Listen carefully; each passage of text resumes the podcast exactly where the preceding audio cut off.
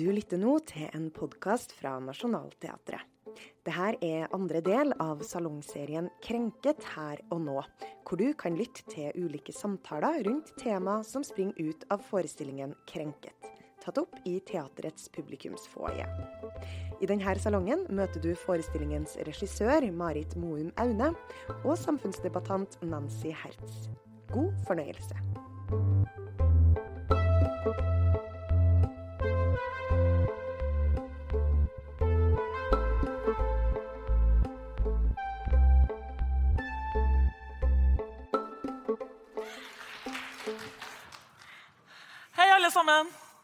Det var bare, Jeg måtte bare skru av mobiltelefonen min. Så det er en oppfordring til alle. Hei, Nancy. Hei, hei. Det er jo veldig stas å få være sammen med deg her. da. Veldig fint å være her. Ja, det må jeg si. Altså, Nå skal vi prøve å ha en løs og ledig samtale. Den jukselappen her skal da geleide oss gjennom det her, og det skal vare sånn ca. 25 minutter. en halvtime. Vi har jo litt, ja, vi har litt på hjertet. Mm, Kan ikke du si litt om deg sjøl, Nancy?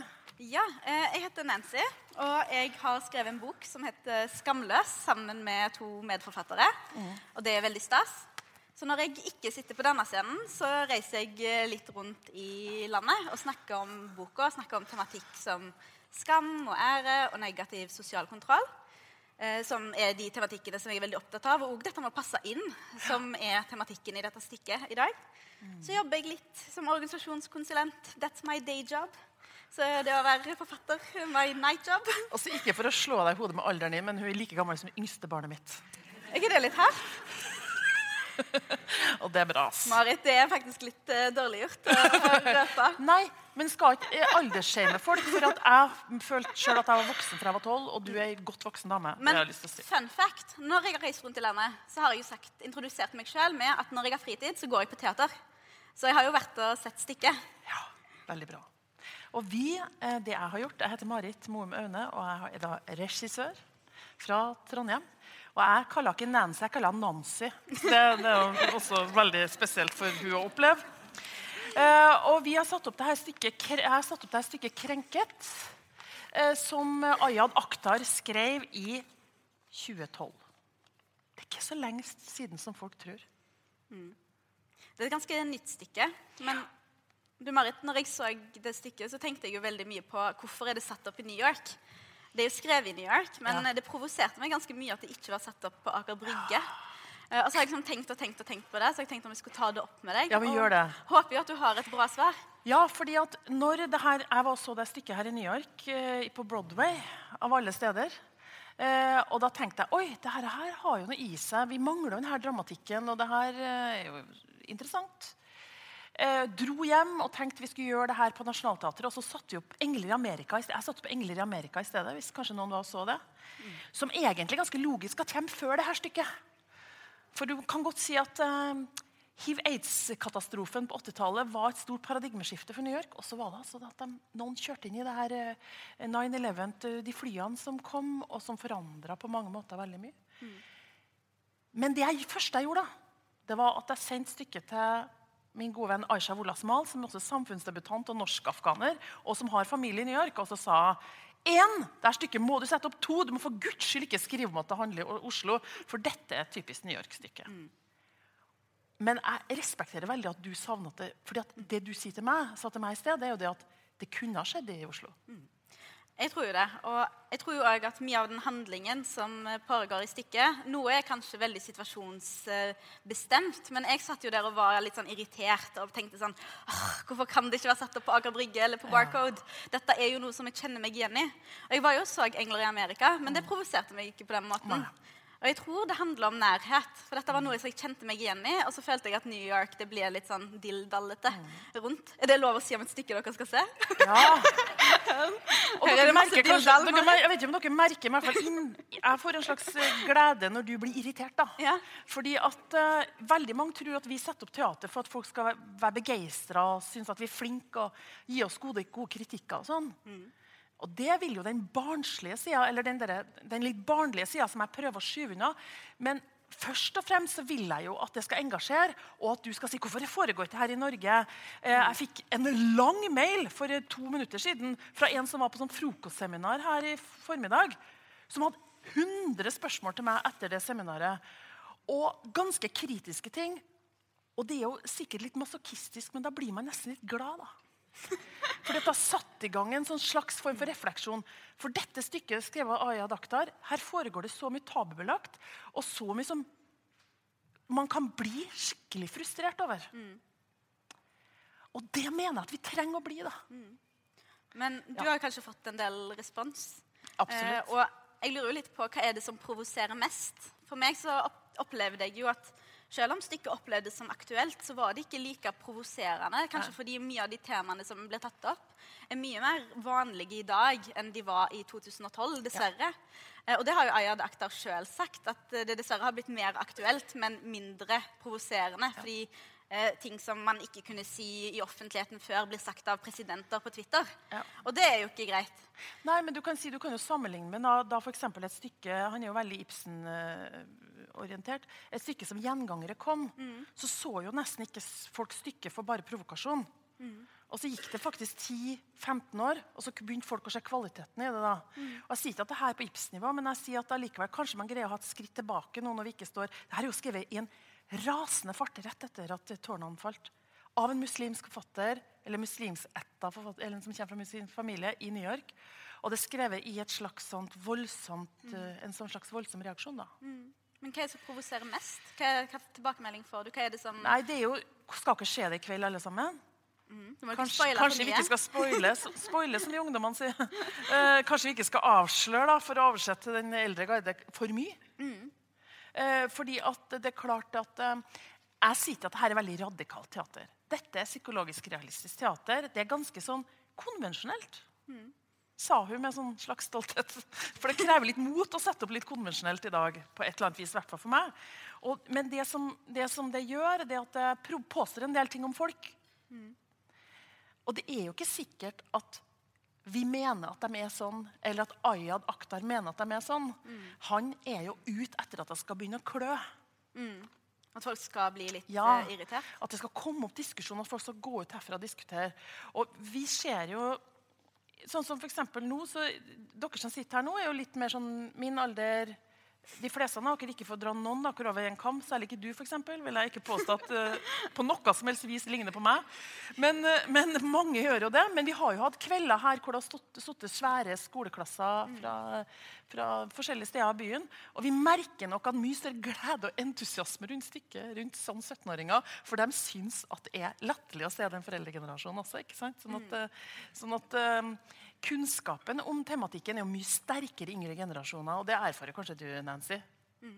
Jeg identifiserer meg ikke som ung. Jeg vil bare ha det på det rene. Takk. Man skal ikke ta og påføre folk identitetsmarkører. Aldersshame har, har vi skjønt. Nei, da. Men jeg tror jo, som du sier, at unge mennesker kanskje kjenner til tematikken i større grad, eh, har vokst opp i en tid hvor eh, det å si ting som er helt på trynet, er mer og mer vanlig i det offentlige ordskiftet. Det er mye mer polarisering. Man sier ting som eh, tidligere som var helt hårreisende å si. Nå leser du det på Twitter hos eh, både presidenter og statsråder. Så det er ikke sånn at eh, det er den samme sjokkerende effekten. Men jeg tror òg at vi har kanskje en mer sånn oppdragende effekt, mens andre, eller særlig de eldste, de voksne, kan tenke at det er greit å bare la de holde på, de der ja. gærningene. Ja. Så tror jeg at vi sier mer ifra. Ja. Vi står opp og sier at ja, det der er faktisk ikke greit å si. Det er ikke greit å si at folk er sånn, eller eh, si at de som ser sånn ut, de oppfører seg på den måten. Eh, og det kan jo være med å provosere. Samtidig så tror jeg jo at uh, de unge som du refererer til, eh, selv om det er underholdende å se på foreldregenerasjonen og kan kjenne seg igjen. Det var jo det egentlig vi skal frem til. for det er klart det er en karakter som kommer inn også her. Som, som det, er jo, det, er jo, fire mennesker mm -hmm. med forskjellig bakgrunn som sitter på en middag og har veldig kontroll på livet sitt. Men det kommer inn en ung mann inn i stykket som du har vært opptatt av. Mm -hmm. Kan du si litt om det?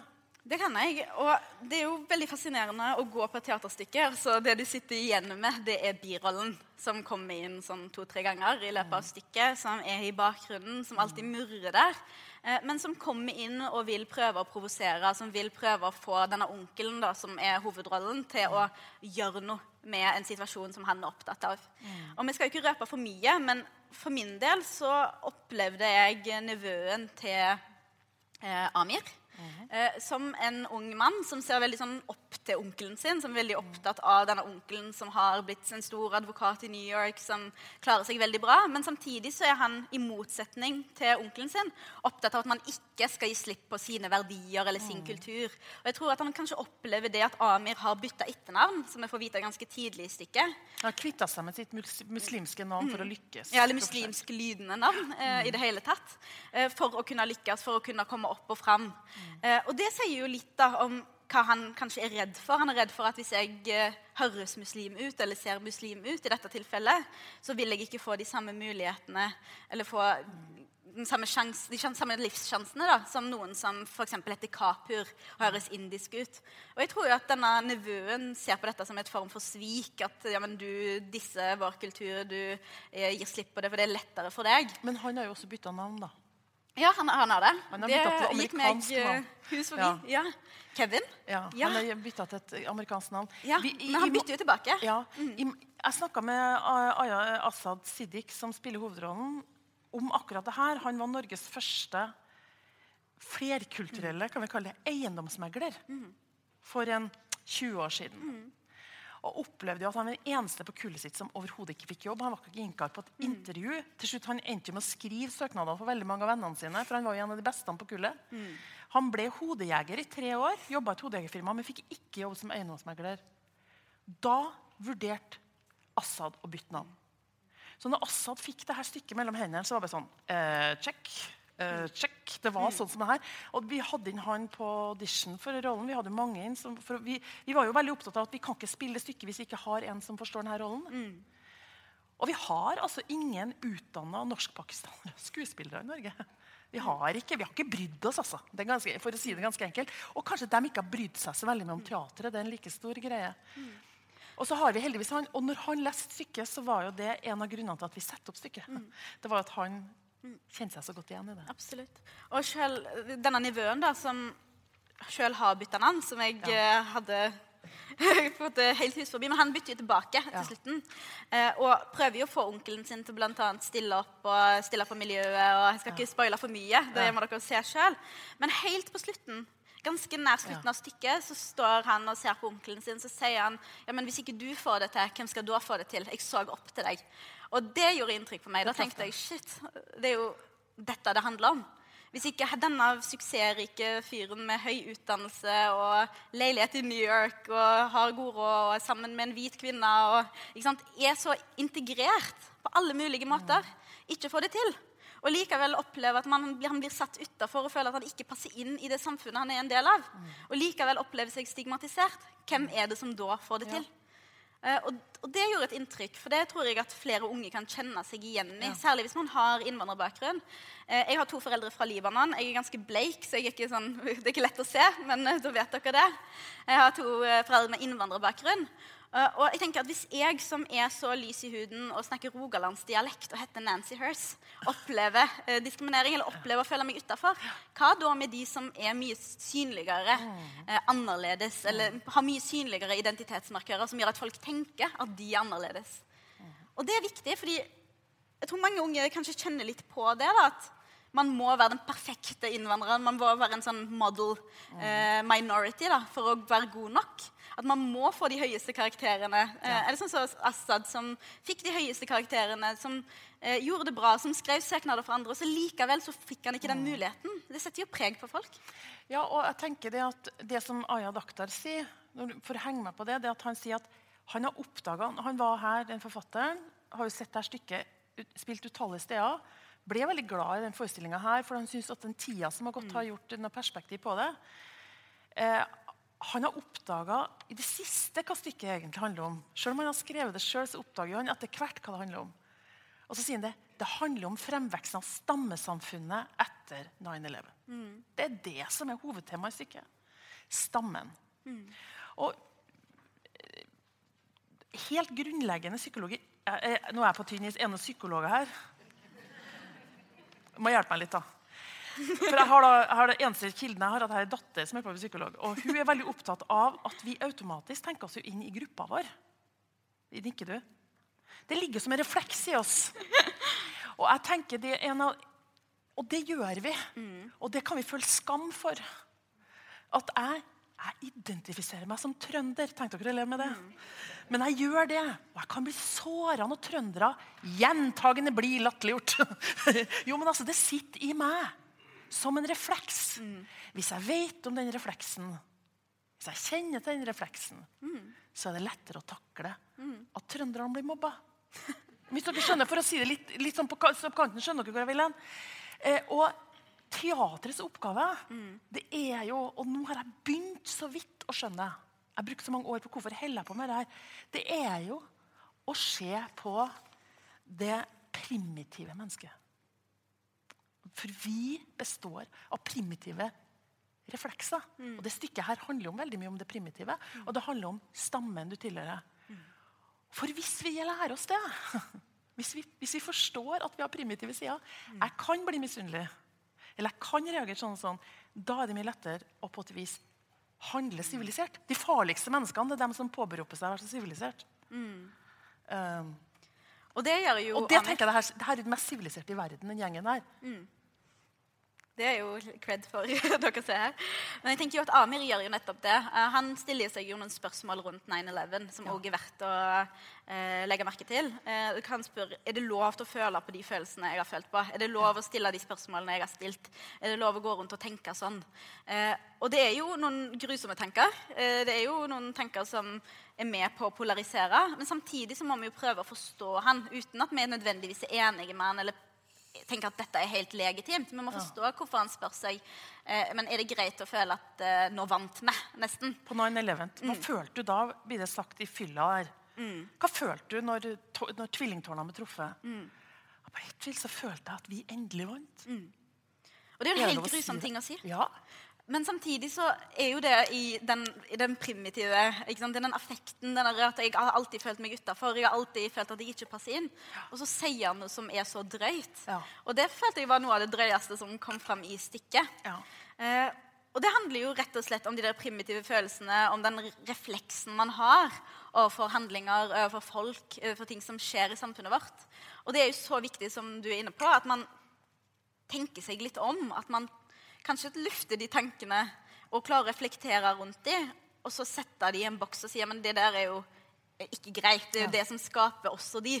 Eh, og det er ikke de følelsene som skal gå ut og som fortell, formidler. Det er ikke de følelsene som eh, skal liksom, formgi min identitet og mine meninger. Men det er de følelsene jeg må forstå at andre kanskje har. Og det er det som gjør at andre tar det steget og går til ekstreme eh, hold da, for å få gehør for sine meninger, for å bli lytta til, for å oppleve at de har vunnet. Eh, rett og slett. Og det går jo alle veier. Eh, jeg tror at vi må anerkjenne at hvis man presser folk så langt til ytterpunktene at de ikke føler at de hører, hører hjemme, at de føler at de hele tida må bevise noe for å være god nok, så kan man få sånne tanker. Og i ytterste konsekvens så kan man jo få sånne handlinger. Ja, og Hvis vi syns at stammesamfunnet er en utfordring da, det, Jeg hørt Leger uten grenser var et lange, lenge program for et par dager siden. Jeg greide ikke å fange opp hvem det var som snakka om det, men snakket i hvert fall om at problemet nå i deler av Midtøsten og Syria det er jo at stammene er blitt sterkere. Mm. Det samme skjedde jo sant, i Jugoslavia. Det, har, det samme har vært her. I Nord-Norge eksempel, Store motsetninger mellom rett og slett stammesamfunnene. Altså. Vi har dem gående på små tettsteder. Og idet du da blir definert av andre inn i en stamme, så forsterkes din egen følelse av å være en del av en. Så du kan også bli definert inn i et hjørne sammen med en gjeng som du kanskje ikke identifiserer deg med. Eh, og jeg vil ikke som norsk med kristen bakgrunn defineres sammen med kristne fra eh, Brasil og Etiopia og, og, og alle mulige land som har helt andre typer kristendom. Helt annet og si at, at det dem, de, har felles kultur, dem. For det er like mye det vi gjør for overfor muslimske grupper. da. At det er så stor diversitet, og så sier vi det at her har vi liksom gruppe. da. Den er deilig å definere. Det er noen andre, og det er den stammen der. Og det, det, må vi jo snakke om, og ikke minst uh, jobbe mot. Ja. For det er, ikke, det er, jo ikke, greit, eh, som vi begge kanskje er enige om. Uh, men det er òg viktig å belyse det og vise at det går an å kjempe mot det. jeg tror Den beste måten å gjøre det er kanskje dialog. Kanskje ikke et middagsselskap som går av ende, men uh, kanskje en dialog sånn som dette her. Kanskje mm. en dialog uten så mye fyll. Ja. Det kan være en god idé. jeg vet ikke hva som ja. Men, men, samtalen, den er mm. viktig. Mm. Går bra her, syns dere ikke? Det er veldig, veldig, spennende å sitte bare og samtale, for den er mye løsere den samtalen her enn dere kunne ha drømt om. Eh, og det er veldig lett for oss å sitte nå og være enige. merker dere. Vi vil som mennesker helst være enige, vi nå. Og så er det én ting til når vi går på teater. og hva Vi driver med. Vi vil jo helst at ting skal gå godt. Mm. De fleste mennesker vil når de ser en ting, de vil helst at det skal gå godt. De vil at Rome og Julie skal få hverandre. Og de gjør det ikke. Det gjør ikke det. Det er hardt. Og det er litt av poenget i det harde, som teater også kan være, at det ubehaget. Det, at vi, det at vi lærer oss også i teatret Noen ganger er det for sent. Mm. Noen ganger så er løpet kjørt. da. Men kanskje vi kan lære noe av det? At vi går ut og ikke gjentar eh, de samme feilene sjøl. Mm. Uh, og det tror jeg er noe som mange her kan uh, se etter når de ser mm. stykket. At man kan tenke litt på ja, men hvordan ser jeg meg sjøl i dette stykket. Hvordan ser jeg mitt liv og mine opplevelser i dette stykket. For selv om det handler om en helt spesifikk opplevelse, selv om det handler om Amir og sine tre venner og nevøen hans, så handler det jo òg om oss. Ja. Det handler jo om alle som sitter her på en eller annen måte. Og jeg tror ikke at man må se ut som meg eller ha innvandrerbakgrunn eller eh, være rik advokat for å kjenne seg igjen i Amir. Jeg tror at man bare må ha kjent på det å ikke passe inn. At man må ha kjent på det å jobbe veldig hardt for å få lov til å være innafor. Eh, eller at man jobber og jobber og jobber, men likevel ikke kommer innafor. Eh, og det kan jo òg ha noe med at det er et polarisert debattklima der ute. Og det skjer jo både ute i offentligheten, og så skjer det hjemme i stuen hos oss. Eh, og så skjer det i denne middagen eh, når fire venner med ulike identiteter og opplevelser møtes og skal provosere hverandre litt og skulle egentlig være i et hyggelig lag. Ja. Og, så går det jo helt skeis. Ja. Og de samtalene er jo som sagt veldig viktige å ta, men man kan ta dem på en litt annen måte, med et litt annet språk. Og jeg tror ikke det nødvendigvis er negativt at vi sitter her oppe og prøver å forstå hverandre, og at uh, jeg går ut herfra og tenker at ja, ja, men Marit hadde jo for et godt poeng med at det ikke kunne vært satt i Oslo. Selv om det har provosert meg i er det en måned ja. siden premieren. Jeg har tenkt mye på det. Ja. Mer enn du tror. Ja. Men nå går jeg ut herfra og tenker at ja, men det var jo et ganske legitimt poeng. Jeg tror ikke det er noe galt i å være enig i det. Jeg tror ikke det er noe galt i å prøve å forstå hvor den andre kommer fra. Altså prøve å sette seg sjøl inn i andres opplevelser og andres sko, rett og slett. Så det er jo min oppfordring eh, til de som er her i dag. Eh, det er jo se dette stykket med et åpent sinn. Eh, ikke heng deg opp i detaljene. Da blir du kanskje litt veldig provosert. Da sitter du der om fire uker og tenker på det. Men se de store linjene. Se hvordan handler dette om meg? Hvordan handler det om de jeg er glad i? Og hvordan handler det om folk jeg går forbi på gata hver dag? Det er bra, da. Mm. Og jeg tenker også at uh, Noe som er utrolig viktig, det er ikke definere andre inn i en stamme de ikke kanskje føler seg definert inn som. Mm. Eh, legg merke til i stykket at eh, han får en, mat en, matematikk til å gå opp ned av dramatikeren. Alle sammen blir på et tidspunkt tillagt noe. Mm. Eh, jøden, den afroamerikanske, den blir tillagt eh, Og mm. den hvite, eh, vellykka, rike kvinnen den blir tillagt å tilhøre gruppe og dermed ha et sett med holdninger mm. og verdier som de da må gå imot for å si at 'jeg har mitt eget individuelle ståsted'. Mm. Og at også for hovedpersonen så er det hans store motstand mot, mot islam er også en mot, et motgrep mot hvem han blir sett på som mm. eh, i, i, kampen for å få lov å være et individ som seg sjøl. Sammensatt like rart som vi alle sammen er. Absolutt. For vi er sjukt særegne alle sammen mm. som sitter her. Absolutt. Og jeg tror jo også at Hvis vi gir hverandre det rommet til å ikke bli definert, så kommer vi ikke backlashet eller eh, den motreaksjonen til å være like sterk. Fordi når man hele tida bruker masse tid på å forsvare seg, på å forklare hvem man ikke er, på å forklare hva man ikke står for, eh, så må man jo ty til mye mer energi enn når man skal si hvem man faktisk er, når man skal snakke i positive fortegn.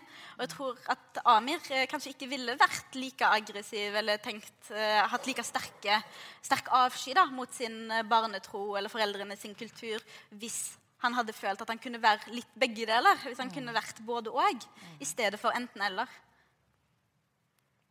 Var ikke det bra avslutning fra Nansa? Eh, jeg håper dere får en aktiv eh, dag i teatret. Eh, kanskje dere syns det var meningsløst, kanskje dere syns det var givende. Det er egentlig deres problem. Vi har laga en forestilling som vi mener er viktig å spille, og så håper jeg at dere får det spennende. Og så går det jo alltid an å sende en mail til deg etterpå. Altså, Jeg har fått århundrets lengste mail, så jeg skal sitte i natt og svare på den. Og tusen takk for at jeg fikk treffe deg. Jeg syns det var skikkelig, skikkelig bra. Tusen takk. Takk for oss.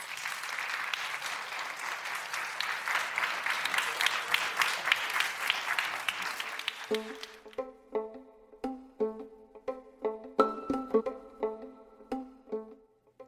du hørte på et teaterprogram fra Nationaltheatret. Musikken du hører nå, er komponert av Olav Våstad og Gaute Tønder. Husk at du kan følge Nationaltheatret på Facebook, Instagram og YouTube. Vi håper å se deg i salen. Velkommen i teatret.